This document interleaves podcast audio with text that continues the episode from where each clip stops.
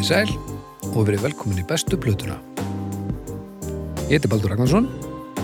Ég er upptökustjóri í Hljóðkirkjunni. Hljóðkirkjan er hlaðvarsamsteppa sem við bræðirnir Baldur og Snæbjörn Ragnarssonir stofnuðum í mæmánuði 2020. Eh, Gleðilegt nýtt ár. Fyrir Já, Já, gleð, gleðilegt nýtt Það ár er sko að við sem telja rétt 2021 Já. það er eins gott að, að pælið í því að 2020 var svona Bara, bara svona árið sem við, sem við værum til í að fá aftur. Að núna kæmi raun kúka ár. Já, bara að það var einhver, ein- einhver pláa sem byrjar einhver staðar. Í færiðum eða eitthvað og, færiska plán já, Færeyska blóðan, já, frendur okkar færingar já, já.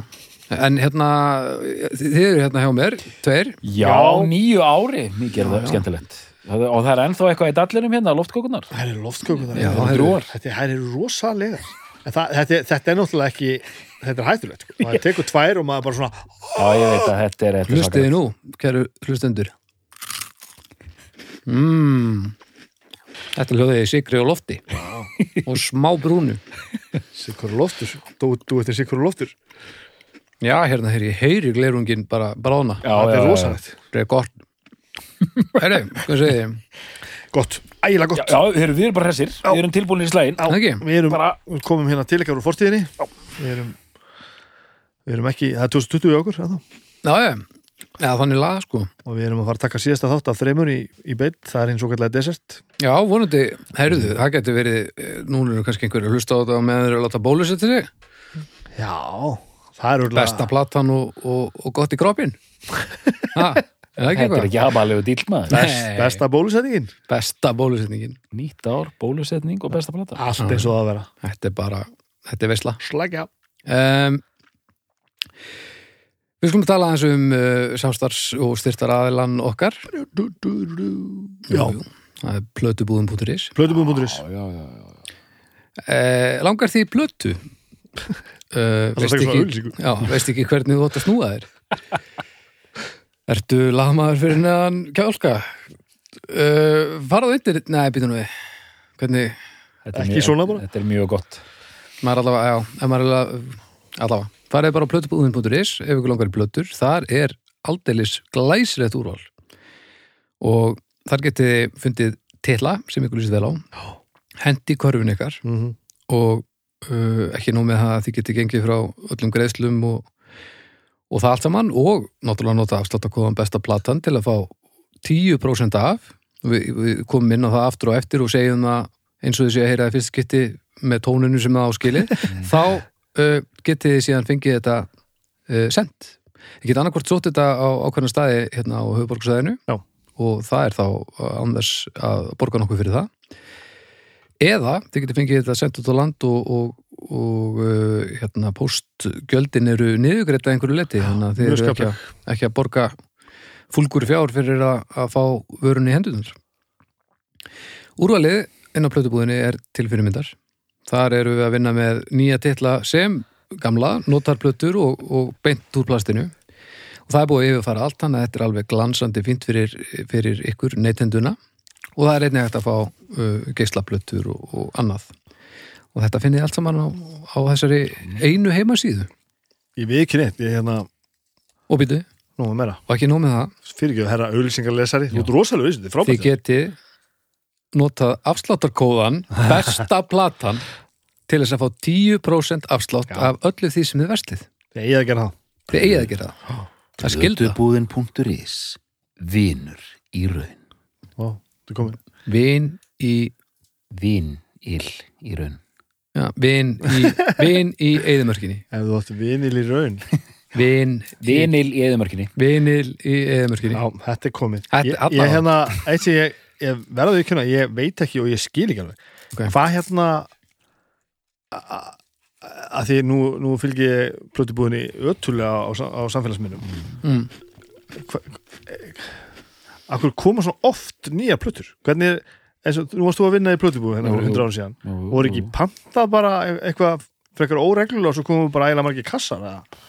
Ég man ekki, sko, ég man allan að ymmit þegar þú segir þetta, sko, ég var þegar ég var að vinna í plötubóð það var svona geisladiskurinn var King mm. En ég meina þú veist þetta bara streymd inn ég meina það voru kannski 5 eða 6 svona stór fyrirtæki Universal, Já, BMG þetta og kemur þetta. frá svo mörgum stöðum náttúrulega. og síðan bara þú veist endal sko, en síðan sko fá nýju plötunar en síðan þurftum við alltaf að fylla á katalógin sko þess maður geta Já, af því mér finnst ég endalast bara að geta rífresa samfélagsmiðluna hjá blödubúinu Já, og það, kemur það er alltaf ný sending þess maður geta síðust tvær mínútur sem það sem þið voru að tala það, ég veit ekkert hvað það að segja því ég var að borða loftköku og maður sem sagt, heyrir ekkert Nei, nei, nei, nei. ekkert sem gerist ef maður er að borða loftköku. Maður heyrir bara skrá inn í haustum á Já, það er bara gott. en spáði þessa gömlu tíma að fylla á katalógin skilur Já, já, já. þú þurftir að vera með bítlaplötunar, klárar og Metallica og þetta sem var að seljast stöðugt sko. En, en, það, en það er þannig hjá meina, þú, þú, getur, þú getur farið og keift standard plötunar bara, þú veist, ég ætla, ég ætla með, ertu með Símon? En djöfull lítur fyrsti bílið þinn að hafa heiti katalógurinn Æ, það er að reyna að fylla á katalógin maður Prófa að slá inn hérna eitthvað sem á að vera, sem að maður vill geta fengið, bara Metallica eða eitthvað. að slá það inn Það er bara, þú veist, ég er spáðið, þú veist, mm -hmm. já, já það er að fylla á katalógin, sko. mm -hmm, Bara, Býtu, ég var að loftkakast hvað er, hvað er ég að gera sér? Ég var að segja að, svo, að, að mér finnst ég ekki geta blikka auga þá komið ný sending, það er alltaf komið ný sending þess vegna ég er að spyrja hvernig það hefði verið þegar hann var að vinna í plötubúð Já. og þá benta mér á að þetta er alltaf mörg kompani sem er að senda að utan sko, ok, en mér finnst tempóið mér finnst alltaf vera að koma ný sending og þá varst þú að tala um sko, nú er ég að rifja upp fyrir Baldri þannig að áhörindur eru bara að heyra aftur sem þú sagðir á hann, þetta er mjög skildið sko. en hva, hvað er ég að googla? Þú ert að fara á plötumum.is Já. og, og leita að einhverju plötu sem að þú til þess myndir alltaf vilja.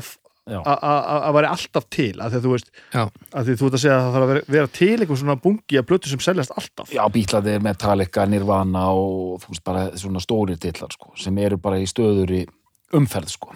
og seljast plötur þá bara fyllist aldrei er svo lítið land. Er, þú veist, við er svo ótrútt að sé alltaf alltaf hægt að selja eintaka number of the beast bara endalust Já, þetta er alveg merkilegt sko. eða Keeper of the Seven Keys Dilidin. Varstu komið með plötu að eigin vali sem maður myndi vilja kaupa? Sko, ja, förum bara hérna í, í hérna Keeper of the Seven Keys, sjáum hvort það Nú er bara put them to the test. Já, ég veit, ég er svona ég, Nú getur nú Ah, getur nei, þetta klippa. ekki, ekki ennþá en hins vegar, þá er náttúrulega uh, plötubúðin náttúrulega uh, gerir sitt til þess að, að eiga til plötuna sem að við hérna, ræðum hérna. Ég hef mjög hissa að þessi platta væri til Já, alltaf. við erum nefnilega hins vegar uh, plötubúðin náttúrulega veit ekki að við erum að fara að ræða þessa plötu þannig að það er ekkert skrítið að hún sé ekki til akkurat núna. Já. Um, Eftir þennan þá, þá, þú veist, þá verður allt villust Þá vilja Já. allir fá þessa plötu. Við verðum að muna að segja um að banta líka part 1 Mm. þó við séum part, part 2 Förum henni í Amy Winehouse uh, Amy Frank uh, Back to Black. Já, já, þetta er. Já. Allt á hreinu hér. Þetta, er- þetta er ótrúlega Þetta er bara svona. Já. Þannig að þetta er það er bara gríðalega vel staðið þessu. Ég, Já, þetta er bara sem ég var að tala um hann um daginn þegar ég var búin að leita hérna að- jólaplötuna stilla og auðvitað, jóla season og allt svo leiðis mm.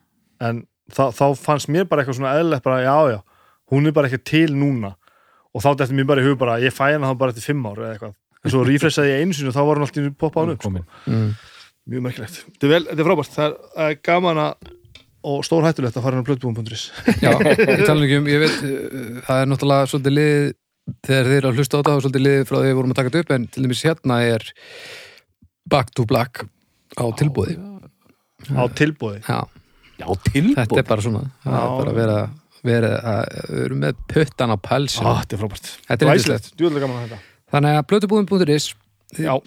hendist ángað inn og, og, og gerið ykkar og, og þannig uh, hjálpið okkur. Já, bara góð vísa ekki ótt kveðin. Ef þið veslið á þeim þá styrkið okkur, það er bara þannig. Algjörlega. Og hérna þið skulle endilega hendin myndum og draslið þegar við að Já, fá já, við verðum fallega, fá- fallega pöntun í henduna Við verðum að fá myndir inn á umræðugrúppinu af því hvað, hvað, hvað eru það hérna að panta. Já, það er nefnilega það er ekki bara gaman að panta plötur það er líka gaman þegar aðri panta plötur. Og gaman, Það er og gaman að sína plötur. Það er gaman að sína plötur. Plötur er svona svo bjór, það er líka gaman þegar aðrir drekka bjór. Hárétt En heyriði, Já, heyrðu þið, býtu, hvað er ekki við ætlum að við ætlum að, við ætlum að spjalla um músík við erum nú búin að minnast á plötuna hérna. Um, það er Halloween. Halloween, Halloween Jú, jú. You're the keeper of the seven keys. Mm Þessi Þetta er bara svona- hann er mættur. Já, já. Að fara í það. Við hljótum að fara í þetta. Herrum, Ljóstin Halloween stofnuð í Hamburg 1984 mm. Takk fyrir. Uh, Ég er að uh, tefla fram hérna Keeper of the Seven Keys part 2 Já, henni stórkostlegu plötu Keeper of the Seven Keys part 2 uh, Við þurfum að fara uh, aftur í tíman já. Uh, Við förum til 84 Förum til 84 þar sem að þeir uh, fjórmenningar stofna stofna um, bandið. Við þurfum að, að mér er svolítið gaman að, að við tölum svolítið mikið um Ramstein Mm. mjög áberandi stofnaðir í Östu Þýskalandi já, þessir eru svolítið áberandi stofnaðir í Vestu Þýskalandi það er svona einhver, einhver svona ákveðin stemningsmunur þarna. En þeir eru fjóri sem stofna bandið sem eru eh, ég er svona spáði hvað, hvað röð ég á að nefna það sko. sko, það er Markus Groskopf Mhm. bassaleikari sem er búin að vera bassaleikari alla tíð síðan. Já. Við erum með Ingo uh, nei, uh, Væsegúd sem við erum með hérna, sem er látin í dag og við fyrir kannski betur, betur við það. Við erum með eh, Michael Weikath Mhm. sem er búin að vera uh, gítarleikari síðan. Sehr gut. Mm. og við þurfum að tala mjög sérstaklega um að því að ég hef grunum að það sé ekki alveg einfaldasti einstaklingur í heiminum. Hann verðist Ok. vera, hann verðist vera svona ég ætla að giska á að ef sá maður var ekki til þá var í bandið ekki til. Ok, og við erum með Kai Hansen. Já. sem ég hef nefna síðastan. Uh, og hann er gítarleikari og forsöngvari.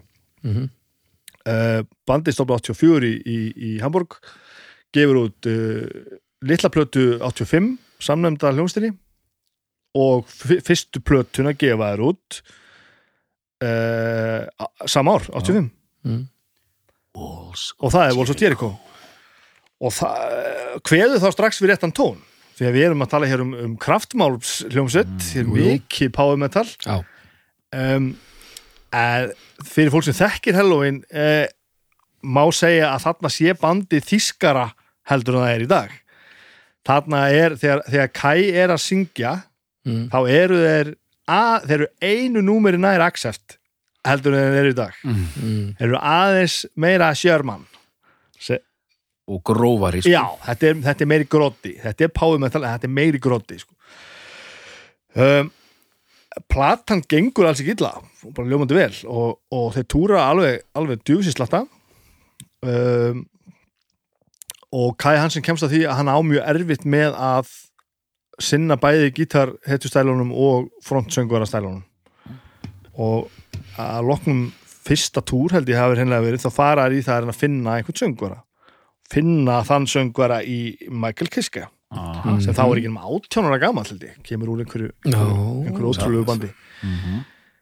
um, og þá er ekkert annað með það að það er bara talið í og þeir eru komnið þannig á plötusamning uh, þess, þessar eru nú gefnar út af Var, það- var það nóis? ég var ekki Noise sem gaf þetta út fyrst því hérna er sko, þetta, er, þe- þetta er eitthvað eftir á Jú, Sanctuary ég held að ég hef alveg Noise hafi örgulega gefið þetta út. Og, og hinta það að fá- fá að gefa út tvöfalda plötu. Mm. og plötufyrirtækið segir nei sem er nú eitt og sér ágætt.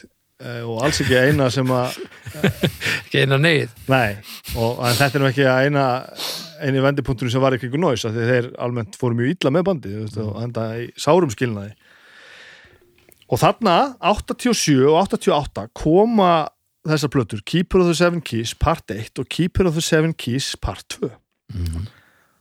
setni plötunni ætla ég að, tefla fram sem, sem bestu hljómplötu uh, Halloween fyrir og sér. Því að það eru svo sannarlega mun fleiri. Svo höldum áfram með, með ferilinn þá hættir Kai Hansen eftir þetta. Og næsta plata uh, floppar. Já, já, Kai Hansen stofnar Gamma Ray. Kai Hansen stofnar svo sannarlega gamma rey fer mikinn þar, alveg glæsilegur. Næsta platt er hérna, Pink Bubbles Go Ape. Já, og það þar það, það, þannig erum við að vinna með eitthvað sem við höfum talað um áður það að þegar þú berði ekki virðingu fyrir, fyrir áhörundum og, og, og verkefninu og, og þú missir svolítið svona sjónaræði sem að er að gerast, þú ætlar að endur uppgötaði einhvern veginn Mhm. sko, nú erum við að komast á nefnilega gríðarlega slóðir sko. þetta er, þetta er svona fyrir tónlistar mannfræðing er Halloween stórkostlegt band til þess að tala um mm.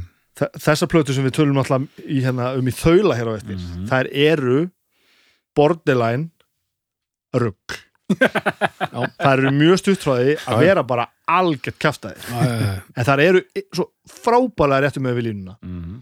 en það eru bara svona það eru, eru bara eitt slag í að vera bara fíblagangur Mhm. þegar við missum Kai Hansen sem er svolítið með fætun og jörinni virðistur að svona þýskur töffari, svona þú veist gífuristur töffari, svona já, þá er eins og allt farið til anskotas og eins og ég hef nú mik mikla mætur á Michael Kiske þá gruna mig að, að ha- hann eigi ekki að fá að ráða of miklu Nei. því að þarna fer bandi bara í einhvern fíblagang Pink Bubbles Go Ape er bara Er það platan þarna sem er að geta síld? já, það sem Já. er fiskin hérna, þetta hérna Já. og hérna þar erum við með lög eins og sko heavy metal hamster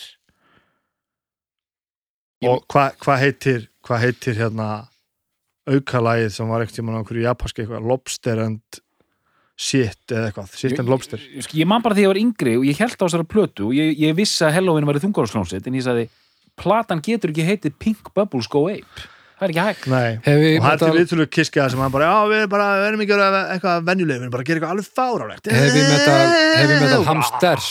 Hvað sér við? Þetta eru margir hamstrar, heavy metal hamsters. Heavy metal hamster Þetta er hræ- Shit and lobster shit and lobster heitir aukalagið veist, þetta auglustlega getur enginn tekið alvarlega. Ekki það við þurfum að taka Gípil og Seven Keys part 1 og 2 neitt stórkostlega alvarlega. En er, snildin er hér samt sko. Eftir, eftir, eftir þessa plötu kemur út Chameleon sem á að vera svona pínu tilruna platta sko. Og, og berða með sér á umslæðinu já, akkurat. Með svona, er það ekki það sem er hann að regnbúa bara eitthvað svona minimalíski þetta er svona eins og þetta er eins og einhver ambient plata þetta er Brian Eno. Já, eða bara, þú veist, heimsbystarakeppnin í svona veggtennis í, í Sydney já, já, já. eða einu sem 80 frá eitthvað. Kjörval fyrirtækinu og þarna hérna þarna faraði mennskuna og þarna er alls konar synthesizer og, ah. og fullt af einhverju, einhverju djösidrasli og þetta er hundleðilegt og sko EMI gaf held ég út þessar tvær plötur Já. Uh, eftir að þau slitist frá uh, Noise eftir að Noise sko reyðum alveg royal í raskatið eftir hérna peningalega sko. Gott ef að maður geta selt IMI þessar tvær plötur. Já, en EMI vildi ekki meira því að þarna fór þetta allt saman fyrir fjandans. Og það sem gerist þarna er það að Michael Kiske er látin fara mm og á sama tíma held ég að- að að Ingo hefði látið fara af, af drómanum sko. Uh, hann var orðin víst erfiður í, í samstarfi ef ég maður rétt og endaði svo með því að- að að dópa bara ennþá meira og, og bara eins og við geðklóa endaði með að bara stökka fyrir lest eða eitthvað. Allavega alveg já, skelfilegur endur á því. Og þar er sem sagt er bara söðlað um og, og þeir hann enda bara plötusamnislausir, trommaralausir og söngvaralausir. -hmm. og, og þannig eru þeir væntamlega já, þannig eru þeir bara tveir eftir þá af, af the Semikis bara Markus og, og Michael sko. Mm. og þeir eru tveir en það í bandur í dag komið nýja, ég man ekki eins og hvað gítalegari þarna, þeir fóru í gegnum einhverja var hann um, komin strax hann hann- Roland já, hann var Roland komin Garapá. Já, og Uli Kush. Já, Óli Kursur að tromma hana og, er að syngja þetta. Hvað er söngurinn? Hann, hann er enn en þá og hann er, hann er ennþá sem hver dag. Um, og þarna svona hægt og bítandi fennum ferillin aðeins upp sko. ég man ekki hvað eru búin að gefa margar plötur þær eru bara áttan alveg dörrullu margar sko. fyrsta plata með þessum var hvað? Eitthvað Rings eitthvað. Master of the Rings. 15 plötur sínir mér heldur að. Master of the Rings, já, já, það var fyrsta já. hún er ekkert algali Nei, nei, nei, bara fínt. Og eins og maður er nú til í Michael Kiske og allt þetta dót sko, þá hefur það verið látið skína í gegn að hann var látið fara af því að þeir vildi ekkit fara í þessar átti sem hann var að fara uh, ástæða fyrir að tala svona mikið um hann er það náttúrulega gríðarlega íkonisku söngvari Mhm. með náttúrulega þessa ótrúlegu Já. hérna tenor, öfga tenorödd sko upp í hæstu æðum mm. hrikalega góður þegar best var sko og mikið íkon og mikið tónleikadýr og svona en, en þeir tókuð þann slægin að láta hann fara sko og svo grænduðu þeir sig bara aftur upp á yfirborðið og þeir gerðu það bara og náðu þannig að pínu steddi line-upi fyrir rest sem er búið að vera núna ansi lengi sko. Hrikala, fóru í gennum nokkra trommara sem gátt ekki gert þetta þetta er helvítis vinna að spila þetta sko sem að hann, orginal Ingo gatt man aldrei hvað eftirnafna sér nýjasta platan, kom, Sviktenberg nýjasta platan kom bara út í ár. Nei, nei hún er ekki komin. Á hún ekki komin næsta ár ég held að sé ekki síðasta plata skráð allavega á Wikipedia sem lígur ekki Já. bæði veginn, Dóttor, takk þetta uh, My God Given Right 2015 já, ég held það. Og, og, og nota benni þá það lang lengsta hins vegar er hann hérna, hann setur svo í já, ég held að sé bara sko það er ekki búið að skrá þessa nýjastu sko. Ok. það er 2020 sko. Er það? ég er svona 95% við sko. Ok, og hún heitir skulum ekki vera með hérna Radio Silence hérna. Jú. hérna, þú að hugsa. Prófaði að fara bara á Halloween síðuna. Og er það Pumpkins Plata? Já, þetta er bara, já, hún kom bara út í, í þessa 2020 fimm árum eftir þessa hérna, My God Given já, já, er hún komin. Mér fannst þess að hún ætti að koma næsta ári Sér alveg sko, hann er að finna þetta baldur sko en það sem við höldum áfram Já. söguna fram að því, þa, Mhm. þá, þú veist, koma hann að fullta plötum sem að ég hef hlustað ég, held, ég get ekki loði, ég hef hlustað á þar alla sko. Uh, ég, ég var bara að renna þessu fyrir þennan þátt sko. Já, þú veit alveg svona glær. Frekar glær, sko, frekar mikið glær. Rendur á þar allar að nei, nei, bara ég tók svona hérna stikkbrögur sko. Og það er yfirleitt þannig að það er eitthvað sem gleður sko. Já, já, þetta er, þetta er allt en þú veist ég, þú veist, ég tók bara stikkpröfur og var svona að mæla út sko þessi talan best, þessi talan best, já, já einhverja tvær, þrjár nefndar hérna oftar en aðrar sem, sem fínar, ég rendi þessu og bara stuð.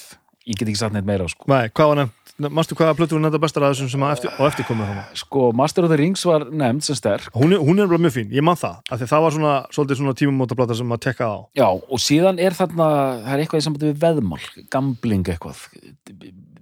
Gambling devil eða eitthvað Já, hann er í alveg dóttir hún sko og það er bara einhver plata er, Sko, við erum að tala um að uh, það kemur single Skyfall.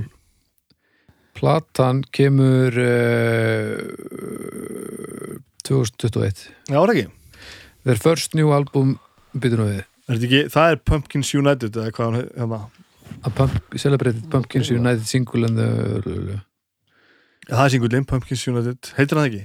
Lagið? Mark the beginning of a new era and the rebirth of a metal legend with exceptional The Já, first new þarna- album will be released in summer 2021 wow. en ég er þá hérna þetta er eitthvað pínu Halloween, Skyfall jú, það var ekki að koma hann á- Straight Out of Hell Ha? Remastered 2020 Remastered Er það einhver gömur plata? Já, þetta er hérna skritið June 29, 2020 Það besta við þetta er að hérna, nú er einhverju brjálæðir að hlusta sko, sem vita, vita allt um Halloween sko og bara, Straight Out of Hell það er 2013 Já, það er ekki bara plata. einhver remaster Já, já, já, ok, ok, þá er þetta rétt 2015, nýjasta platan af því að Já. 2016 held ég hafi verið, ég gáði plötu 2015 Mhm. 2016 eða 17 mm. er í rauninni svo næstu stóru fréttir á Halloween Mm. uh, Kai Hansen hafði nú alltaf annars lagi komið og spila með þeim það var ekkert, ekkert, ekkert mjög hérna ekkert vers ekkert mikið vesið þar á milli en Mhm. Kiske vildi ekki sjá þetta sko Nei, skil. og, og það var alveg það það gnistaði milli hans og, og Cat sko og að þeir hefðu verið svo ríkala ósamála og hann var náttúrulega bara rekin hann rak hann bara og, og svona og hann er svona Cat er svona frekar hann er ekkert mjög aðlaðandi maður svona að sjá í viðtölum hann er, og eiginlega sviði líka alltaf með einhvern ægileg holning á honum og svona maður svona hugsa bara svona á, þetta er maður sem vinnur vinnuna bara mm. og þú veist, bara gott hjá honum að vinna vinnuna en hann lætur allt fyrir viki, lætur hann bara allt viki hann gerir bara sem þarf að gera og það er ekki alltaf fallegt sko. Mjög þýskur og Kiski er búin að vera mjög vörbal um það að hann muni aldrei stíða aftur á svið sko. mm. um, þanga til að hann rekst ó- óvænt á hann á einhverju festivali það er ekki hist í hundra ár fyrsta, og Kiske segir söguna þannig að Vækall hafi sagt og andalega á, á þýsku sem sagt, þannig ég ætla bara að segja þetta á íslensku. Hvað var það sem ég ger, gerði sem þú getur ekki fyrirgefið mér? Fyrsta sem hann sagði. Og þá sagðist Kiske hafa fattað á, á, á nanosekundu að hvað sem það var þá var það farið. Þá var hann búin að fyrirgefa það. Mm. uh, og þá fara af stað þessar pælingar að taka túr. Pumpkins United. Já. og það sem gerist þá og mér finnst þetta í alvörunni briljant, þetta finnst mér í alvörunni algjörlega briljant faraði bara að túra, stór venju og aldrei, aldrei tekið stærri túr heldur en þetta. Uh, line-upi sem var búið að vera hann þó nokkur ár, helvíti solid line-up sem, sem kláraði Halloween af ljómandi vel og við höfum til og með séð á hann eitthvað síðan hefum við spilað einhver festivali með Mm að rafmagnin voru hann alltaf. Uh, og svo bættuðu bara hennum tveimur við. Kai Hansen og Michael Kiske eru bara með og þeir eru bara tveir að syngja. Skipta bara á milli sín versunum og hitt og þetta ratta hvorun í annan. Og, og hérna og ég tek náttúrulega hvað heitir hann söngvari, ég get ekki muna hvað hann heitir. Ekki Michael Kiske heldur. Hvað, Kai? Nei, söngvarin nýji Já, Andi, Andi Andi hvað? Deris? Deris. Deris, Deris. það er ekki hægt að muna það það er fyrir mig e, það, það er, það er snillingurinn sko. Mhm. Paldi að vera gaurinn sem kemur og leysir kiski af eftir hann geðveika blómatíma. Úst, hann söng ekki Keeper of the Seven Keys blötuðar Mhm. hann kemur og leysir hann af, grændar í öll þessi ár. Og svo kemur ykkur hugmynd bara er það kannski bara túra með þig og kiski og hann, fyrsta sem hann segir bara geðveikt, geru það bara alveg til, vitandi það að hann er bara hinn. Já, já, já. Hann bara sér þetta ekki að mig, hann bara, "Það er frábært. Bara, onvið þitt, bara geru það, fokkin geðveikt. Flottur. Kai Hansen kemur með svo syngur forsöngu líka sko að vera svona að celebrata öll hérna. Mm og svo bara svo bara Halloween set. Bara full blown Halloween set nema þeir eru bara þarna líka að gera bara og, og við erum með alveg þrjá gítarleikar og bassaleikar að gera alveg synkronæst hérna dans alveg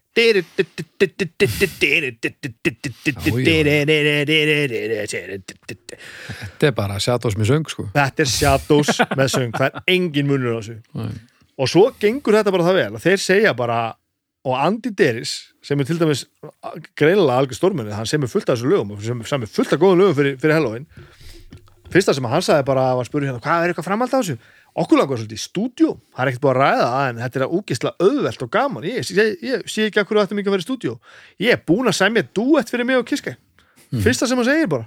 Og allir bara djúfisins töffari þú, þú er glæsilegur.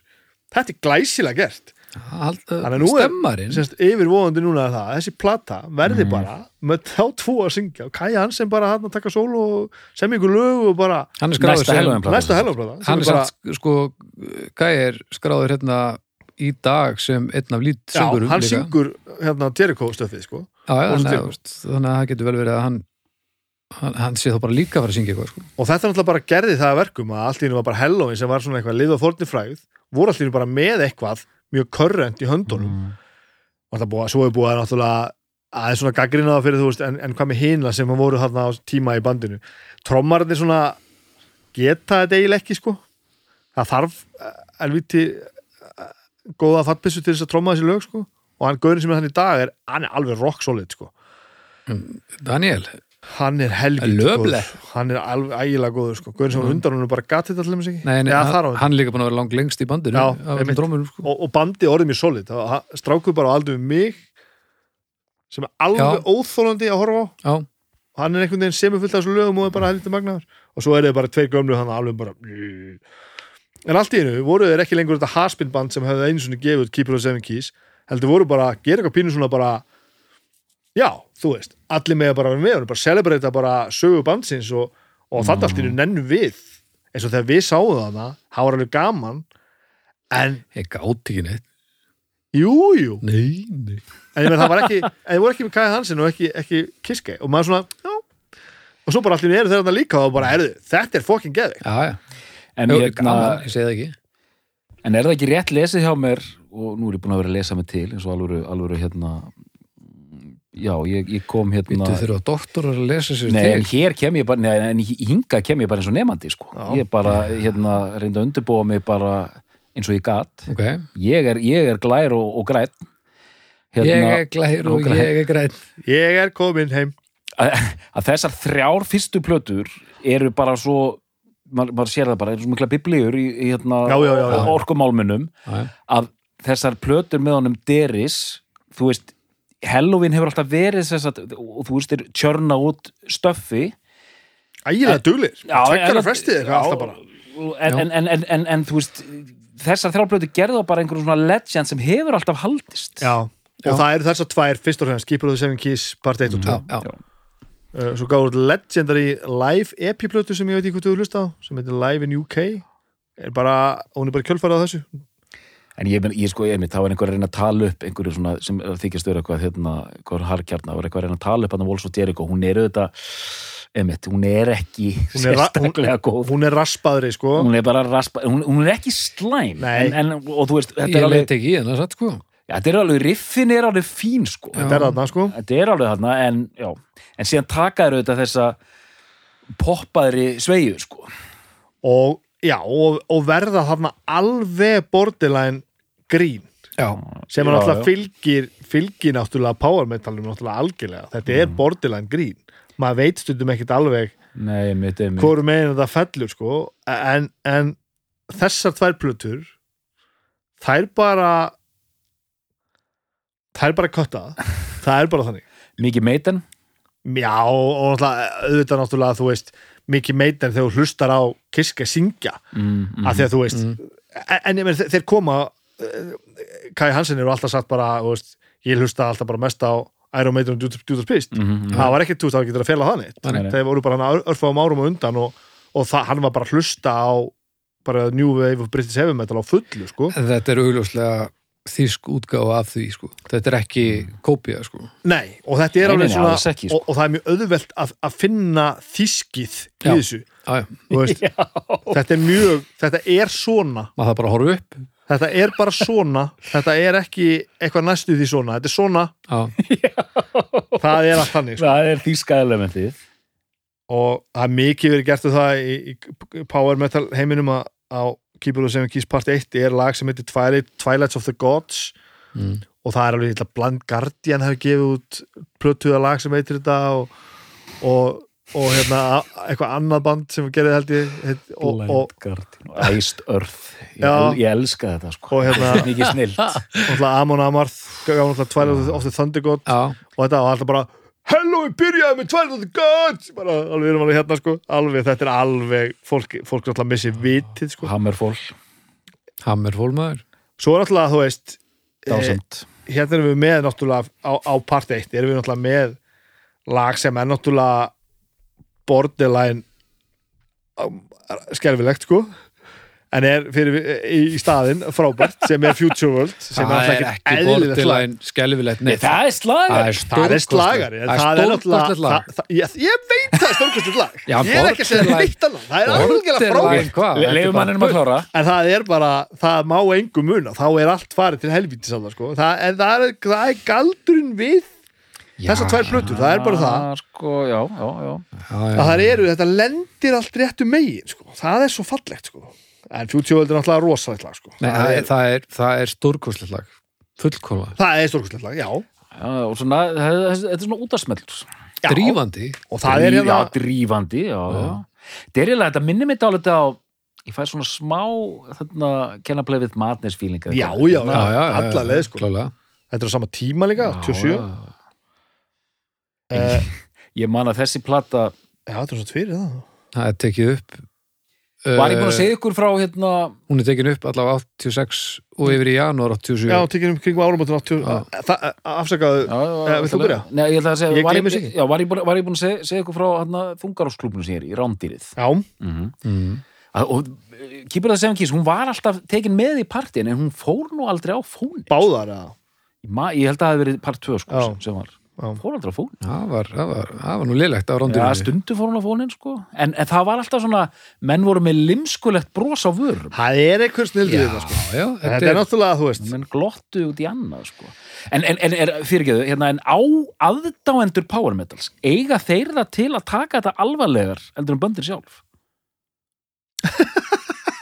Það held ég, já, já. Uh, já, já, ég meina, Dragon Force taka sjálfa sig ekki mjög alvarlega sko. En jæja, þú verður náttúrulega að taka ákveði alvarlega að þú vilt bara fá að vera með eða fara alveg hinum einn sko. málið er náttúrulega með power metal þetta er svo þetta er svo já, já, að því þetta er svo mikill fýblagangur eða nálægt í já, já, já. þú veist, þetta er svo mikið tongue tík og over the top og það eru drekar í hverju hotni og gítararnir eru allir í læginu þannig að þú getur meittið þig og alla í kringu þig og, Mhm. Og, og þú hætti alltaf að vera eins og ert sko, segja einhverja geðveika sögur um hitt og þetta eitthvað, þetta er alveg ægilegt svona bara svona kidstöf stundum, þú ert svolítið bara já, já. og þú veist, Dragon Force eru bara með atri, þeir eru bara með trampolín og, og, og þú veist og, og, og þetta eru bara eitthvað rugl. En þversögninni í sér að það þarf ævintýralega færni til þess að spila Já, og þetta er verður svo bara- hrikalega þetta er íþróttir sko. Þannig að þú veist, en sko, þetta er svolítið þannig að svona þjóðverðarnir búa til power metal og það er svona pínu glott. Og svo er Ítalinn all in sko. Já, já. þeir fara, þeir fara eiginlega ekki með glottin í þetta. Og nei, það er allavega þá óvart sko. En sko, ég er mjög hrifin af eins og, eins og, og Hammerfall. Já, ég er rosalega hrifin af þegar menn gera þetta alveg hreint. Og ég tók einhvern tímann, ég var að vinna í Abis tók Hammerfall plötu, fyrsta platna þeirra Mm.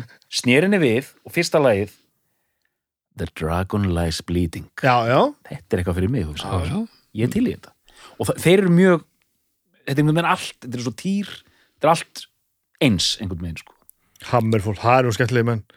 Indislegt við hefða við vorum við ekki með, á, með þeim á hérna 70.000 tons. Jú.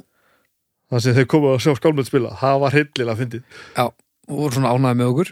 Og, og hérna stendur alltaf til að, að túra með Hammerfall já, þetta var góði drengir sko. Þeir eru glæsilegir, voru þannig að söngvarinn er í inn, inn á vídeónum hjá okkur einu, þar sem við letum fólk já, já, taka þessu upp og eitthvað? Já, hann var mikill, hann var mikill hérna ambassador skálmölda lengi Instagram. Þarna- það var löðrætt í skálmölda þannig fann maður hérna stett fyrir því að hann viss alveg hvernig þetta er sko. Já, hann, hann veit alveg hvernig leikurinn er og, og hvernig hljómsveitan er í og hvernig fólk er að hlusta á hann hann er, hann hann er náttúrulega bara séni sko. Mm. hann er bara fullkomi séni já, já, Drekkjandana kaffinu er já, já, þú veist hann, hann er ekkert að fara að segjast eiga að drekka sko hann veit alveg að það er ekki til.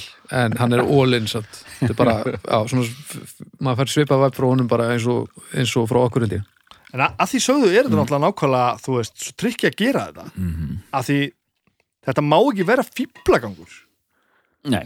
og, og þú veist, Pink Bubbles varð fýblagangur já, rosalega er það mishefnað múf Já Það er eitthvað sem að bara þetta er bara svona, auðvitað vitur eftir á held ég. En sko, við höfum talað um það hérna í, í, í, í, í fyrir þáttum, ég ætla ekki að fara að endurtaka þá umræðu, þegar öll þessi bönd voru að reyna að endurskapa sig í 90s. já, Þú já. veist, hvort, hvort sem það var Anthrax eða Creator eða já, já, það þurfti allir að gera eina tilhörna kenda plötu. Akkurat.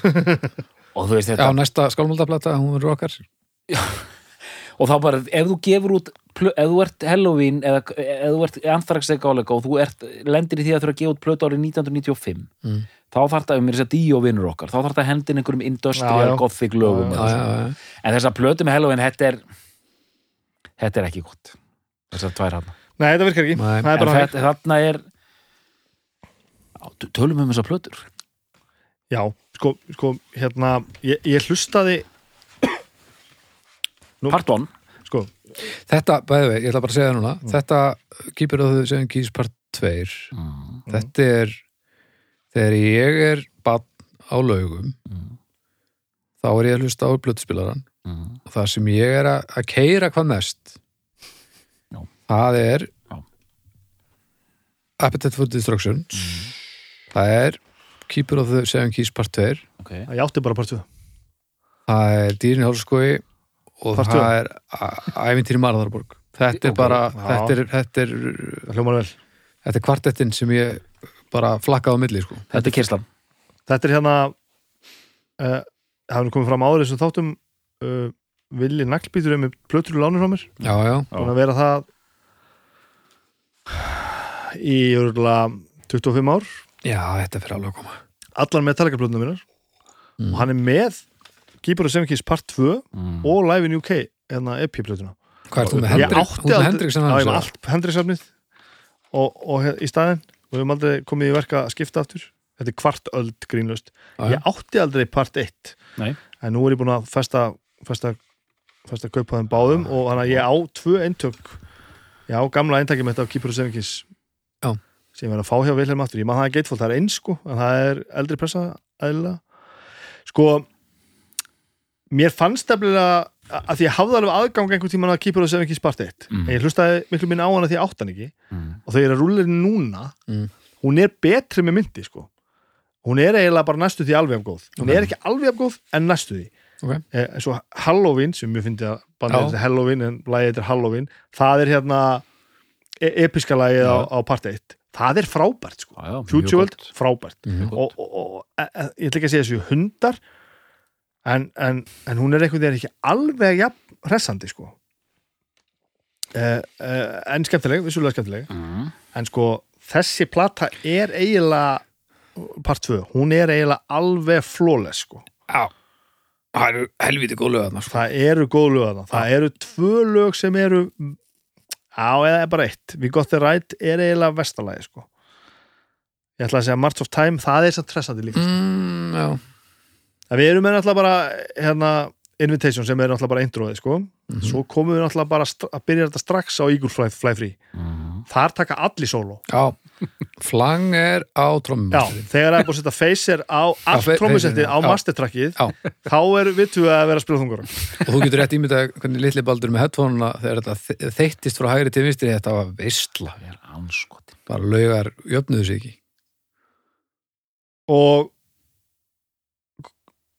svo kemur jú You Always Walk Alone uh, sem er frábært svo kemur Rise and Fall. Rise Fall. Svo kemur Dr. Steen sem er frábært lag svo kemur We Got The Right og þannig er allir. Björliðin, March of Time I Want Out, Keeper of Seven Keys sem er, er 13,5 mínúta. Og uh, þær eru vel nýttar.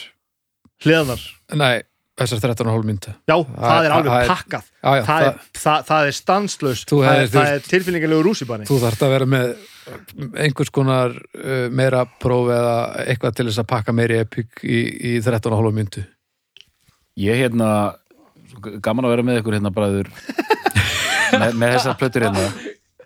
Að hérna um, sko, að því að ég sko, get bókstælega sagt ég vissi alveg að þessari hljómsveit vissi hvernig hún væri og vissi hver væru hennar hérna, helstu mektaverk ég var nánast bókstaflega að hlusta á þetta í fyrsta skipti fyrir þennan þá já, nánast bókstaflega sko. hvernig er það? Já, seg, segðu frá. Já, hvern, já, sko. Hvorum með við fýblagangin fellur þetta þá? og eins og ég er búin að nefna eins og með Hammer, Hammerfall og, og þessar hljómsveitir ég elskaði hennan geira og þe- þetta, þetta, þessa nálgun við þungarokkið Já, og síðan seti ég þetta bara í, í, hérna, í doktorskvörnina og hérna Hvar er hún? já, hvað er, sko en er það, ég og bara jú, jú, þetta þetta er hérna og þú veist, ég skil allt og þetta er rosa flott og eins og hérna, við að tala um, þetta var þú veist, þeir búa nánast til Já, já. þetta Það- dótar í, sko það er bara og bara fullt af hljónsveitum Hammerfall og allt þetta lið kemur svona í kjölfarið sko. Mhm. Það sem ég var svo hrifin af part 1 nú kem ég bara, já, hérna, hvað heitir þetta? Hérna, hreitsveit Mm uh, bara, við mjög rúlla, rúlla vel og hérna, Future World Emit, góður hittari Ha- Halloween, hérna mjög flott svona epislag Mhm. en ég elska líka þegar þeir hafa ákveðin nafnið, hei strákar, hvað er að láta hljónstin hitta? Látum hann heita Halloween? Þeir taka fund 84 Já. Látum hann heita Halloween, hei, nei, ég veit Það er Þetta er geggja nafn. Þetta er er- er frábært nafn. hættulegra. En sko málið, það sem og bara, mér finnst hún nefnilega að rúlla að- nú, nú, ég hendi út einni vísbendingu, þetta var svona lúmsk vísbending þegar ég sagði að ég var svo hrifin að hammerfóla þegar þeir bara svo hreinir sko. Já, já. Mm. það sem eiginlega mér finnst svo leiðinlegt við hérna part 2, það er þetta grín. Það er meira sprell. Það er meira sprell. Og fyrir mig sem hreinar svein, það er bara svona Rise and Fall og Dr. Stein sem eru svona grínlaugin mm. það var, það var ekki að kötta, Já, tísk En- já, en- áhugavert. En vissulega aðeins Já. meira grín mm en heilt er betri lög. Já, ekki þau tvö, eru það að tala Nei, um en, að en hinn á plötunni sem, heild sko. sem að, ég, ég segi það reynda þið eru, ég heyrði það, þið eru á, á Dr. Stein Já, ég verð nú að veikjana það eins og er að ég er náttúrulega búin að hlusta miljónsinu meira á part 2 heldur en part 1 já, já, já, um, en já, mér finnst bara- það er svona erfitt Nei, ég þyrfti já, þá bara að kveðja vinn og ættingja og, og lega bústað en ég nenni því ekki sko. Nei, nei, þú, þú, En- þú, getur ekki farið þeim í svona aftur tilbaka með eitthvað svona lesið hún Nei, og, og þetta er líka bara eitt, e, er eitt af þessum örfáu skiptum þar sem að ég nú bara svissast hlutverkin. Nú er ég bara að tala um plötur sem að ég hlusta á svo ofbáslega ungur að hún, ég er svo litaður gagvartinni ég man bara ég hafði aldrei heyrt svona lög áður. Já, já, og ég, sama hversu mikið grín er í þeim já, já. þegar maður heyrir eitthvað í fyrsta skipti performance-væs og byrjaðar að pæla í tónlist þá er ég ekkert að hlusta aðal á gríni, ég er bara að hlusta á að þetta sé hægt sko. Einmitt, einmitt, ég meina Já, einmitt en ég ætlaði að heyra sko rökin ykkar fyrir því að part 2 var betri en eitt, að því að mér finnst eitt renna betur sem svona heildstæf mm. Hammerfólvingillin Já. á meðan þetta er einmitt meira sprell og svona losaralegri upp á rensli sko. Fyrir mér er þetta bara hápundarnir eru betri sko Mér, Já. finnst, mér finnst hérna Eagle, Eagle Fly Free frábært lag Mhm. Mér finnst Dr. Steen vera frábært lag. Mm -hmm. Mér finnst I Want Out vera frábært lag. Mér finnst Rise and Fall vera frábært lag líka.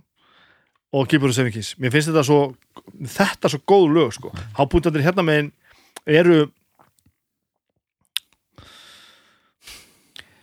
sko Hansen á fleiri lög hérna sko. Það, það er aðeins ég hugsaði sko part 1 sé bara nærði sem hann ætti að fíla en yfirgengilheitin er einhvern veginn sko ég skil svolítið að þú hefði valið part 1 Mm -hmm. af því að það er vantarlega sko nærði sem að okkur myndi finnast skemmtur í tónlist en að því maður uh, var einhvern veginn andað þessars Halloween þá var þetta svo hressandi sko Já. fíblagangs en þegar líka, núna ég bara átt að með að þú ert að segja þetta að sko þó þetta sé part 1 og part 2 þá er hann ekki tekin upp saman þetta er ekki, nei. svo, þetta er ekki svo hérna eh, hérna Guns N' Roses hérna Já, já hérna, Use Your Illusion þengi sko Nei, nei, nei, einmitt, einmitt. sem er að gefa út á sama dag og allt það Já, já. heldur þe- þessi tekin upp sko kringum, kringum áramótin hérna uh, 86-7 Mm. og þessi tekin upp sko uh, sömari 88 Já, já, já. þannig að eitt og hálft ára á milli og þetta er ekkert part 1 og part Nei, 2 nei, nei, nei. það er bara það sem mikill munur á þessum plötum og það sem gerir svo er það að Kai Hansen hættir að þeir fýblagangurinn er rónum mikill Mm. og þeir gefa út Pink Bubbles Go Away Já.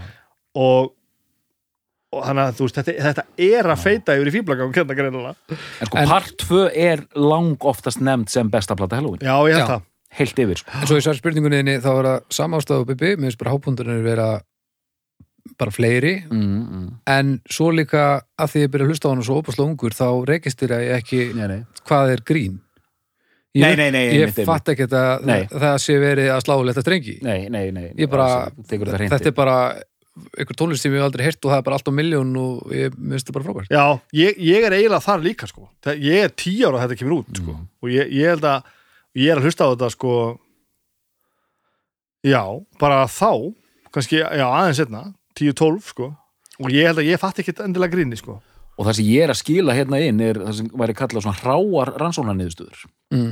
Ég er að hlusta á þetta 46 ára gamall maður Já, og Bara það er mjög gaman að já.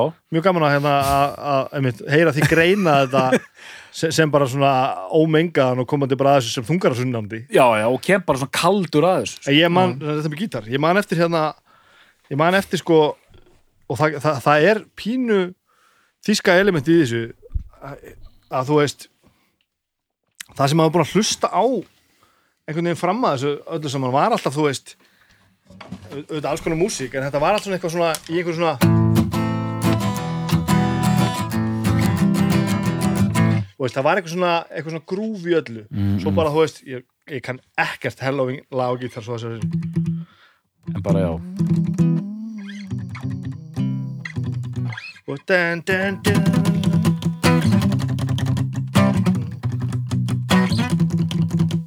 allt er fór með að heyra svona spil þetta er ja. hérna ræsend fól once I sing a song about bullshit mm,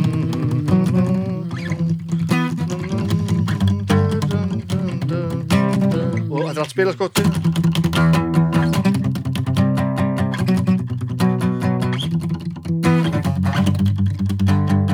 Eitthvað svona rithmar og eitthvað svona dót sko. Og veist Ég er nú ekki En er, er svona slakarfíl í þessu bandi? uh, Nei en ég skil hvað þú ert að fara. Já, og spurningin er núna næst af hverju nýtur svona hljónsið sem er einmitt með þetta sprell og allt þetta Mm. hún er samt gjössanlega dýrkuð og dáð af öllu power metal krátum þess að þetta er svona bítlar power metalsins Ég held sko að Ég held að það sem þú talar um sem sprell þegar þú ert að tala um sprell Mm. þá er tótniði þú, þú, þú fílar ekki sprellið Nei, nei, nei. Toleransi og mér fyrir sprelli í power metal er bara fínt sko. Mm. ég, það trubla mig ekkert ef, það- er bara réttu megin, ef þetta er lægi og, og lögin eru bara það góð og performansin og þetta er bara alltaf mann drullu gott, bara eins og vinnur okkar í hérna Glorihammer Chris já, Chris sem er sem sagt, í Eilstorm hann er, hann er með töframanna eh, töframenn í geimnum í ferlegri framtíð árið 1994 Glory Hammer og verður hlusta Glory Hammer. alveg, bara gallsúrtæmi en þar eru lög sem eru svo ævintýralega yfirgengileg sko, og það er bara Já, já. steik sko, hann er bara að gera ykkur þvælu og ég get hlusta á, á þau lög og þau eru bara nógu góð mér er drull Já, já. saman og sé verið að gera grín eða ekki sko. Ég bara, mér finnst þetta svo aðeinsvert þú, þeir gefa þessar plötur og verða sko fræði fyrir þær og njóta einmitt mikla virðingar og eru svona, starta þessu power metali þannig séð en eins og ef ég ber þetta saman við Maiden sko, þar sem sko það er ekki fyrir að vera komnir í Bring Your Daughter to, to, the Slaughter að þeir hætta sér í eitthvað smá sprell þetta var allt svo alvarlegt hjá þeim sko. já, en þetta er Það er sprelli þessu frá upphafi alltaf Já. eitthvað sko. já, þetta er tongue cheek metal og meðan hittir gáumanna metal sko. það var sko einmitt en sko, Wall of, Walls of Jericho, hún er samt svona þetta er kannski, nú er ég bara að spinna eitthvað sko, að þetta gefur þessu ákveðin karakter einmitt, þeir eru með sprellan inn á milli og dalalala, en þessu Walls of Jericho er svona bæði lagatillar og tónlistin sjálf minnir á mjög margt annað sem var í gangi á þeim tíma sko. lögin heitir bara eitthvað Murderer og Quest og eitthvað svona sko. þetta er allt mjög straight sko. en ekki á heillandi hátt sko. Nei, ég, sko er þetta ekki bara einmitt spurningum að, að um leiðum að slakara aðeins á því sem er að gera og hættir að taka svona alvarlega þá verður ofta sem er að gera aðeins skemmtilegra hvort sem þú segir að hreint út eða ekki sko Jó, en ég meina þetta má samt ekki fara í, Já, sko. þeir ná, þeir ná nei, nei. punktinum þannig sko. þeir fæði þetta Pink Bubble sko Ape fór yfir Já, ég meina, þú- við erum samanlega um það að maður fer ekki í síldina, það er bara þannig en, en hins vegar þá er alltaf lægi að, að slá strengi Já, já. svo lengi sem að þú mitt dettur ekki úst, liftutónlistarkablan, skilur En- nú kemur alveg fáranlega spurning. Hvað haldið þið tveir að þið myndu segja um part 2 ef þið varu að heyra þetta í fyrsta skipti núna? Þetta er frábær spurning sko. Ég get svarað þessu mjög öðla Mér finnst þetta fáránlegt. Ef ég væri ekki með einhvern substitute fyrir þessa plötu og það sem hún gerði fyrir mig eftir dag. Já, já, af því að ég hef gaman af því sem er svipað þessu í dag. Já, já, út af þessari plötu. Já, já, einmitt, einmitt. ef það væri engin önnur í staðinn þá myndi ég sennilega ekki skilja þetta Mm, neitt sérstaklega vel. Nei. já, Eh, já, skilið, Þetta er rosalega mikið staður og stund já, já. dæmi hjá mér sem hefur lifað af allan en tíma og mun halda áfram. Það er alveg á hreinu sko. Já, ég, ég, ég þarf alveg að spyrja sko framhanspurningar sko, væri þetta nýtt eða væri þetta, væri þetta gefið út átt hjálta? Þetta var náttúrulega alls ekki nýtt. Já, ég meina, þú veist, ef ég var að heyra þetta í fyrst skipti núna Það skilur, voru að fórlusta á þetta eins og doktorinn ef, ég hef bara verið þínum spórum já, já, bara, bara í nákvæmlega í mínuspórum vitandi allt sem ég veit líka af því að ég veit náttúrulega að þetta er forveri þessar power metal smál sko. mm. þetta eru náttúrulega risar af því að þeir náttúrulega breyttu þeir, þeir byggu til ákveðna stefnu sko. Ef þetta kemur út í dag verður þetta ekki groundbreaking dót. Nei, alls ekki, er sko. að liggur þess vegna sko að ég vissi sögu þessara platna ég kom mjög forvitin inn í þetta sko. Var mjög, ég hlustaði mjög mikið á þessar plötur. Ok, Já, næs. ok, bara, þetta var bara endalaust sko. Var það sem, sem mentamæður eða var það sem bara að því langaði til að hlusta á þér? sko, eitthvað mix, kannski svona 75% mentamæður og hérna. Nei, ég, meina, ég myndi segja að það er mix sko. Ég er undirbúin fyrir þáttinn, svo ég geti sagt eitthvað að viti. Ég var mjög forvitin að því ég vissi að þetta væri sko mjög umtalaðar plötur. Já. en þú veist ég fann að ég hérna ég, ég, bara, ég bara skimaði restina en ég lá alveg í þessum sko. Ég, ég vildi skilja þetta og ég Já. vildi bara að því ég elska tónlist ég bara, mér finnst þetta svo, mér var svo gaman að fá verkefni. Akkurat. Og hérna og ég bara spá sko kannski ef ég hlusta meira á þetta þá fer, þú veist það er svona viðbrað við, við þarna Rise and Fall og, og, og, og, Dóta Stein er bara svona já. eh, Ég er svona skil- viðbrað bara eh. ég skil grín óþólið, ég skil það alveg. Ég bara þjáist ekki að því. En Eh. ég, ég myndi líklega ekki þjást af því ef ég hefði heyrt hana því ég var tíu ára sko. akkurat, Það er bara nákvæmlega en það hefur líka litað að ég- þólið mitt er meira heilt yfir heldur en já, mörgum öðrum sko, af því að þegar maður vex úr grassi og maður áttar sig á því að maður gat tekið eitthvað sem var sem í grín alvarlega þá get ég alveg gert það áfram sko. Ég held að ekki skemmt fyrir mig og mér að ég var bara 10-12 ára og fannst bara svolítið gaman að þetta væri hressandi. Það er alveg þannig. Og ég man ég man á, á Live in UK hérna EP-inu Air Future World. Þar sem þetta láta fólk geta að syngja herra og herra. We all live in future world. Og ah, tjúk, tjúk, þetta er einu svona grúf aftur og bara, við ætlum að reyna eins og enn. Eitthvað, nú er eitthvað bara one, two, three, four we all live og, ég bara hlusta á þetta bara geðveikt, þungarokk, geðveikt, geðveikt, geðveikt geðveikt, geðveikt. Ég líka tekið eftir því á okkar góða umræðuhóp að það eru mjög margir Halloween já, það, aðdándur þar, já, já, Já, já. þess hafa verið tekið mjög vel í þennan þátt sko. Já, ok, ok þar sem þetta er bara Þetta er- svona standard þetta er bara svona klassíst alveg sko. já, Já, þetta, þetta, þetta var það þetta Já. var alveg með meiten og, Já. og, og því stöffi bara þetta mátti, þú áttir þú áttir Metallica plötu, þú áttir Maiden plötu, þú áttir Motorhead plötu Já. þú, þú áttir kannski Accept, kannski Anthrax þú veist hvað varst að gera eitthvað svona já, já, já. og svo áttir Halloween plötu, það Já. var þannig sko. já, já. það var oftar en ekki þessi plata sko. Ég var líka að lesa dóma um þessar plötur. Svona, þess tíma dóma uh, nei, ekki endilega. Bara líka, þú veist, þarna það er oft gott að finna dóma hann í Metal Archives. Kannastu við það? já. já, Metal Archives.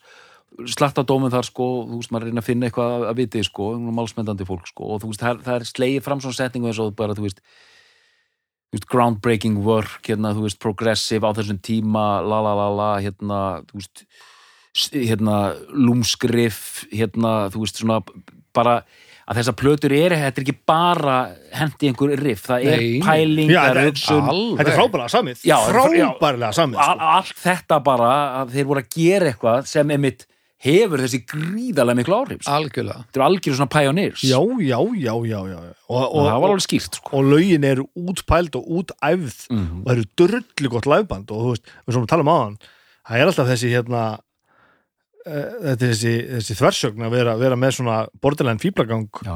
sem þarf svona óbúsla færnin til þess að spila sko. þetta er alveg drullu flókið oft sko. þetta er líka- alveg eins og hálfvitaðins hvað segir þetta er alveg eins og ljótu hálfvitaðins bara það er líka hugur ekki að henda í sko, eitthvað, rosa episla sem er 13 mínútur og, og henda í eitthvað flip líka sko. það sýnir líka karakter Það er svo fyndið að heyra þið tala svona mikið um þetta flippa því að ég, ég var svo erfitt með að setja mig í þau spór sko. já, já, ég sko ég held að Dr. Stein eins og Stein er núna er svolítið að vinna á hjá mér Já, en það and fall fyrir töðunum þú mátt ekki gleyma því heldur að hér erum við náttúrulega að tala um enda þótt vel silda enga síður þjóðverja við erum með það er svona þý- þýskur svona, svona voðastimpill á þessu, það verður alveg að segjast sko. sem er gefur svo líka ákveðin sjarma sko. já, já, já, já. en þetta er vestu þýst þetta er ekki austu þýst Mér finnst það alveg frábær greining á þessu sko. Að Ramstein eru mjög östu þýrskir og þessir eru mjög þýrskir það frá. Hamburg já, já, ég meina. Stórkostlegt. Þeir, þeir þurfi ekki að hafa neina sérstakar áhyggjur þessi menn sko. það er ógeðslega gaman að, að sjá viðtölu í dag og það sem er að gera. Og meina, ég áttur að kaupa nýju plötuna. Það er eitthvað svo að að- að þessi að gera þetta. Sérstaklega eftir svona þetta var alveg röf stöf sko. það var alveg svona að reyndar mjög þýst og fyndið þegar var svona að taka viðtölu bara hvað kom svo fyrir? Og veist, akkur hætti hann í bandinu? Og þá kemur svona þýst bara well we had sort of a disagreement. Og, og það er bara svona eins og þeir hafa bara svona bara, bara hist í hljómsveitarútinu bara this is not gonna work. Og hætt. Og það er ekkert svona sjáalegt drama heldur bara, þetta virkar ekki. Mm. hættum.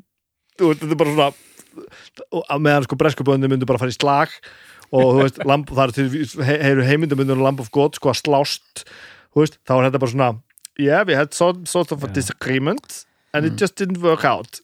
Og það var allt drama, en þið tulluðu ekki saman fyrir áratíu og nú er þið bara einhvern veginn í fokking stuði sko, I'm thinking about the future of the band. Þetta er svolítið það, sko. Thinking about it já. og eins og ég segi, svo við tölum aftur um hann hérna hann, hann hérna, Wyckoff ég, ég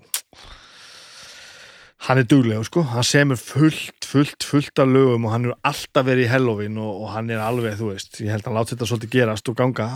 En, en hann er hann, ég held að hann sé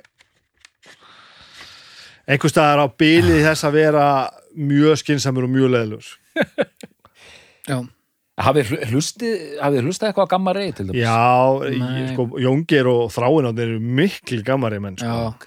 rútan maður verður stundum fyrir þessu í rútunni sko. Já, þessi er svolítið svona hend í mann stundum Já, um, Og þeir hlaða þá í Blind Guardian og Earth og svona Nei, miklu minna sko Það er, ég, þeir eru miklu Kai Hansen menn Já. og hann náttúrulega er algjört legend eðlilega, hann er, hann er legend sko.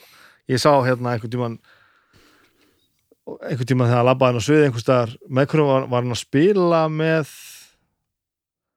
góð saga hjá mér, við vorum að spila á vakken og hann, hann eða var það bara svona all-star þing hjá honum? Hann náttúrulega þýst sko legend, það elskan bara allir sko, var ekki bara Kai Hansen á stóra sviðinu og svo komu bara allir út og kom bara söng með honum og heinur og þessir? Já var það ekki út, útóbal? var það út og ball og Kai Hansen kom? Var það ekki? Allavega, ég man eftir bara að hafa séð mómenti það sem að út og ball á ídölum, ég veit að ég til í það. Út og Stefan út og, út og Stefán, það er upp á mín Út og út og Stefán. A- að Kai Hansen labbaði á sviði sko og það verður allt trublað sko. Já, já, og, og, og þá sá maður líka bara það má hann sko. já, já, á meðan að út og kom bara hann var löður sveittur rúmetri já. og þú veist og það var bara þá kemur Kai Hansen einhvern veginn bara að það er eitthvað hressandi við þetta sko. Svona lítill fristiskápur sem reyfist inn á sviðinu það er ekki eðlileg típa manni Kai Hansen er og, og ég held að sé þessi ást sem að hérna mm. og Pæjónir gítarleikari og það allt saman sem að Jóngeir og, og Þráin tengja svolítið við sko. En ég, meina, ég hlusta bara gaman reyð og bara já, já, þú veist, þetta bætir engu við fyrir mig. Ég held að ég hefði þurft að grípa þetta á sínum tíma. Ég er svolítið eins og þú að hlusta, hlusta á Halloween núna. Ég er bara, já, ok, ég skil að sé eitthvað þarna, en ég, Það ég, er eitthvað gaman að það ég, Já, já, ég, hérna ég, held ég hefði sett á eitt eða tvö lög og ég las í einhverjum hérna einhverjum dómi, það var mjög fyndi lína sem tengir alveg bara þú veist, en, Kai- en, en, en, uh, and he seemed to be the member with his feet on the ground Kai Hansen Já, Já, bara eh, ekkert rugl, nú bara gamma rey og bara svona já, væntalega alltaf það sama sko. Þetta er bara svo, þú veist, maður sér bara einhvern lista svo Hammerfall, þetta er svona 20 plötur sem heita all, allar hérna, lore, hérna Knights Lore og hérna Reign of Kings og eitthvað svona sko. og síðan koma hérna veist, Iced Earth plötunar bara, sko, fyrsta platan þeirra kom út 1990 sko.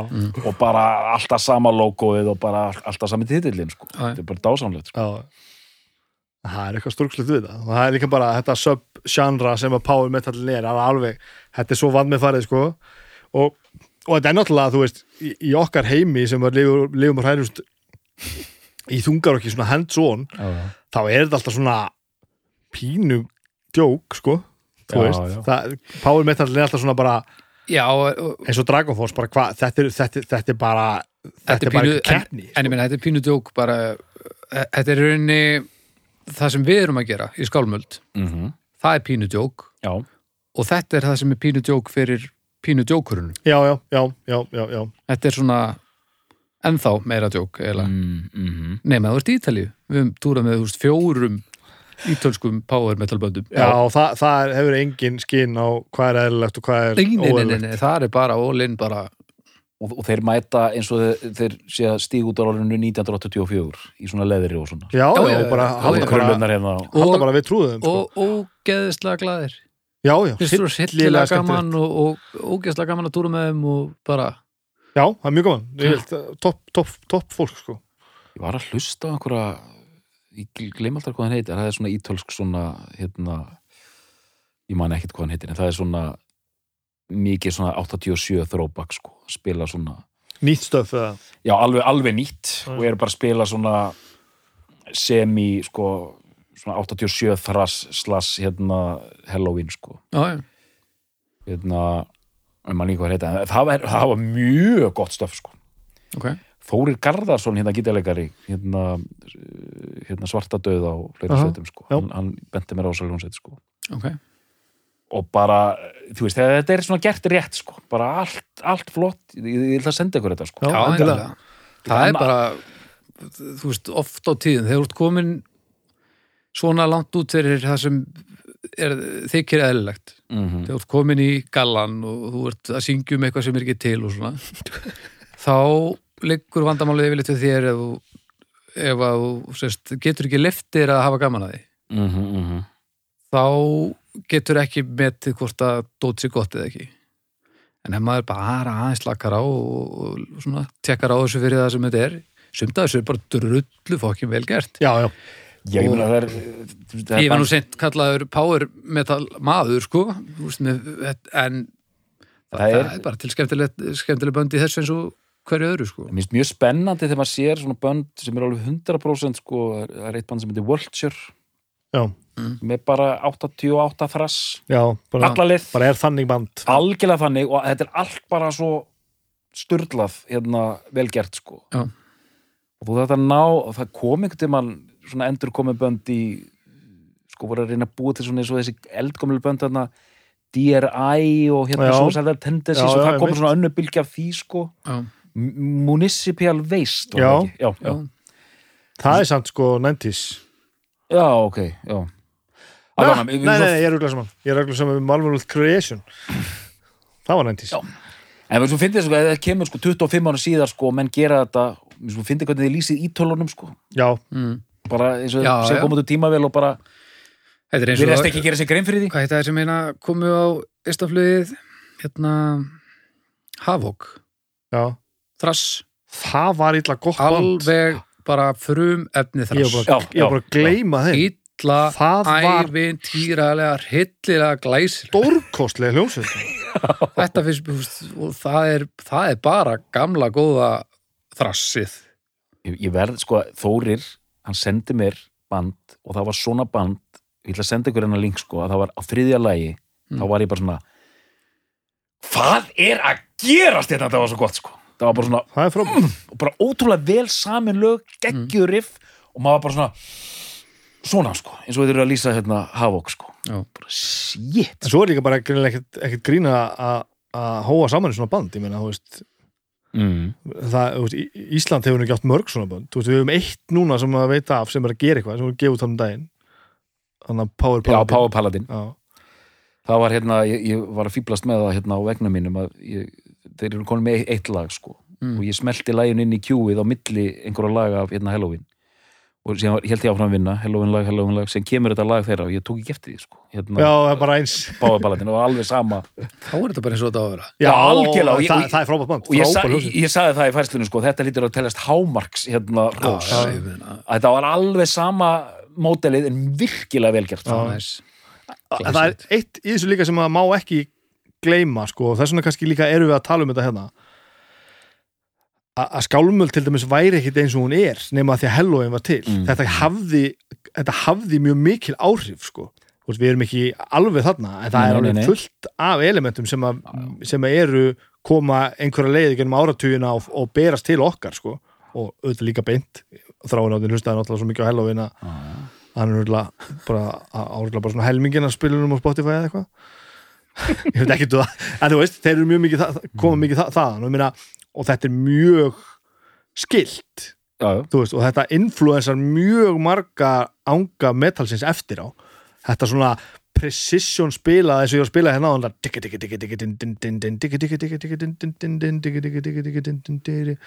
þú veist það sem þetta er ekki bara svona grúa með söngnum og eitthvað svona veist, og, og meitir náttúrulega gerir þetta líka að einhverju leiti meira svona einhverjum fljótandi riffum. Mm. en, en sko e, það er ekki alveg allur munurinn á Halloween og, og Ramstein fatti, það er einhver svona svona this is the structure and it has to be played absolutely correct En svo er líka eins og þetta uh, Halloween og power metal bara uh -huh. versus black metal mm. black metal er miklu meiri mín tónlist en mér finnst power metalin að mörguleiti veist, mm. black metalin er miklu meira veist, Já, já. það er verið að þykjast eins, það er verið að láta eins og þetta sé svona já, já, já, já. og þetta er já, ekki já, svona, já, þetta já, er svo er ekki það svona sko. nei, nei. þannig að við finnst líka heiðaleikin í því hvað þetta er skiptir mig uh, smámáli sko, þó að ég já, myndi alltaf velja black metalin fara með power metal klálega sko. já, já, já, já ég, En, en hver eru frumefnin fimm í skálmöld? frumöfnin 5? Já, Maiden, alltaf meitin Halloween Nei, ekki frumefni, nei. Maiden, e, þetta er, já, Maiden fyrsta flokkurinn? Uh, Nei. Já, já. Uh, Maiden, ég myndi segja þetta er eiginlega eitthvað punkrock svolítið, Já, já. Uh, 90s stöðrock mm, Slayer og Metallica? Já, slegir með og Steindur Andersen. Já, og, og, já, og halvöldanir ha, eða Og- og Steindur og Andersen, þá erum við bara að tala um bara, bara gamla sittið sko. Já, já, já meina, þú veist grun, grunnurinn í skálmöld er alltaf old school hard rock heavy metal. Ég held að sé alltaf þannig. Við erum alltaf að gera gamlan, gamalt þrass Mhm. uh, new wave of British heavy metal uh, og svoleiði stöf sko, út í kannski power metal og death metal og thrash metal. Allt svona 90s frá því að við vorum sko. Mhm. og ón á það fer einmitt, melodist punkrock uh, uh, einhver svona kvæðamanna feelingur, þú veist uh, bara Gunni Kim með kórana eitthvað og, íslenskt, þú veist. En, en, en, en eins og ekki svona mörg lög sem þú getur leitað eitthvað annað heldur en 90s þungarokk, þetta er allt Mm. 90s þungarokk 80s og 90s þungarokk já, kannski meira 80s Já, ég, ég meina það er ekki svo sem að finna upp hjólið sko. þetta er bara, bara að blanda saman hjólum. En ég meina, ég, ég er samt ég, ég, ég er mjög hrifin að þessari nálgun að búa til tónlist að þú veist þú þarf ekki að finna allt upp upp og nýtt en þú þarf að setja eitthvað af þér í þetta. Nákvæmlega. Og þú veist, stór partur að því kannski hvað skálmöldi er að við erum að spila mjög aðgengilega melodíska svona uh, old school uh, hard, hard heavy rock en með uh, svona extreme söngelementum óna og það er ekki eins algengt og getur haldið sko. Nei, nei, og það lætur þetta lítið út fyrir að miklu harðar en þetta er og náttúrulega þungar okkarnir sjá í gegnum það alveg með það sama og sumin á að, leifa sér að hafa gaman að því og aðrir ekki Já. en svona fyrir venjulegan leikmann þá er þetta bara, uh, þetta er alveg grótart og þetta er það náttúrulega ekkert sko. svo setjum við þetta bara þetta einhverja svona leir eða úst, útúrrattaða söng lúð brjálaði sem er svona blanda af af Bad Religion og, og einhverju kvæða, íslensku kvæðamannastöfi sko. Svo er þetta bara eins og alltaf þegar maður býr til tónlist það er bara að búa til reyna að búa til skemmtilegasta lag Já. sem maður hefur ekki heyrt Já. Mm. þetta er eftir á skýring, við erum klálega að, að krifja þetta eftir og það er, það er ekkert blúprint sko. Nei, nei, nei, nei, nei. en það er alveg staðrind að, að þú veist þetta væri, við værum aðeins öðruvísi ef að Halloween hefði ekki gefið út Keeper of the Seven Keys, af því þetta hafði ótrúlega áhrif sko. Já, já, já. það er einhver þetta er svona velræna grín útgáfan af Aeromitin grín, þú veist, létta velræna útgáfan af Já, já. mm. Mhm. og geðvíkband, frábær hljósett og stórkostlegt að það skulle vera til eða þá í dag, það er eitthvað svo magna við það sko. Herri, já, nú ætlum við að fara að slaka má ég tala um eitt viðbútt Ó, hann bent á mig. Uh, mér og sérstaklega eftir hlusta núna mm. þá, þá er, að því við erum að tala um þetta hérna í bílnum á hann Ekki benda líka á doktorinn. Jú, ég er að benda, við erum að tala um þetta í bílnum á hann við fyrir alltaf live í grúppuna vídeospjall þegar við erum að, að keira í grúp Já, Ég er að pælja að fara að gera þetta sjálfur og bara, bara svona einsmanns trún og uh, að því ég fór svo að hlusta á þetta núna hérna svona back to back, bara, bara hlið 1, hlið 2 Mhm. og svo að maður hefði haldið 3 og 4 bara part 1 platan Og og part svo part 2 að hún heitir Keeper of the Seven Keys part 1 Keeper of the Seven Keys part 2 og þetta endar á síðasta lagi á settiplötunni er Keeper of the Seven Keys. Það er ekkert annað Nei, ég, og ég meiri sem að byrja eitthvað að googla þetta bara. Hva, hvaða konsept á þetta að vera? Það er samt Og- lík, líkill hérna aftan á plötunni já, sko. já, og framan á. og, og, þetta ok, þú veist, og, og eina sem bindur það saman, þetta er tekið upp í sama stúdíónu af sama fólkinu, en það er eitt og halvt ára á milli. Eh, það er ekki búið að semja öll lögin, ég hef enga trúið því þegar að, þú veist, það er ekki búið að semja lögin á, á part 2 ekki öll lögin þegar part 1 er tekinu upp ég bara, ég trúið ekki, allavega ekki klára þau. Og, og þú veist en djúvel sem þetta fokkar í heilanum veist, það er bara búið að setja þetta undir sama hattin Já, já. og maður hugsa bara, á hérna kýpur að segja hérna, einhvern veginn ef þú myndu heita bara eitthvað allt annað og það er komið með ásmillibili, þá væri við ekkit endilega að tala um það saman nei, sko. nei. manni finnst aðalega menn hafa bara látið ráða, þú veist, að því að titillin og, og coverið, lætur þetta líta út frá að vera svona rosa konsept, sko. og, og þeir náttúrulega ætluð að gera tvöfaldar plötu þú veist, að það sé Já.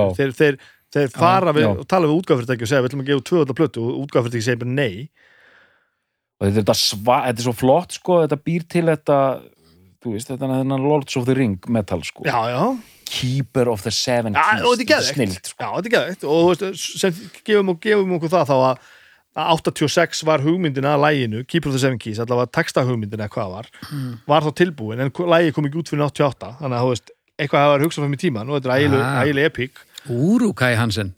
Þetta er endur ekki Hansen, þetta var katt sem semur þetta. Já, ég, Lord of the Rings, ég sendi ykkur Já, Úruka Hansen, akkurat, ég skil ekki En þetta er svona að byrja að tala við henni bílum Já, Þetta með- með, með sko Konceptpælingin. e- e- Þetta hugtak konceptplata Þú leiði þetta komið einhvern veginn á, á, á, á, á blað og maður veit þetta er eitthvað svona koncept þá, þá, þá litar þetta svo hvernig maður hlustar á þetta.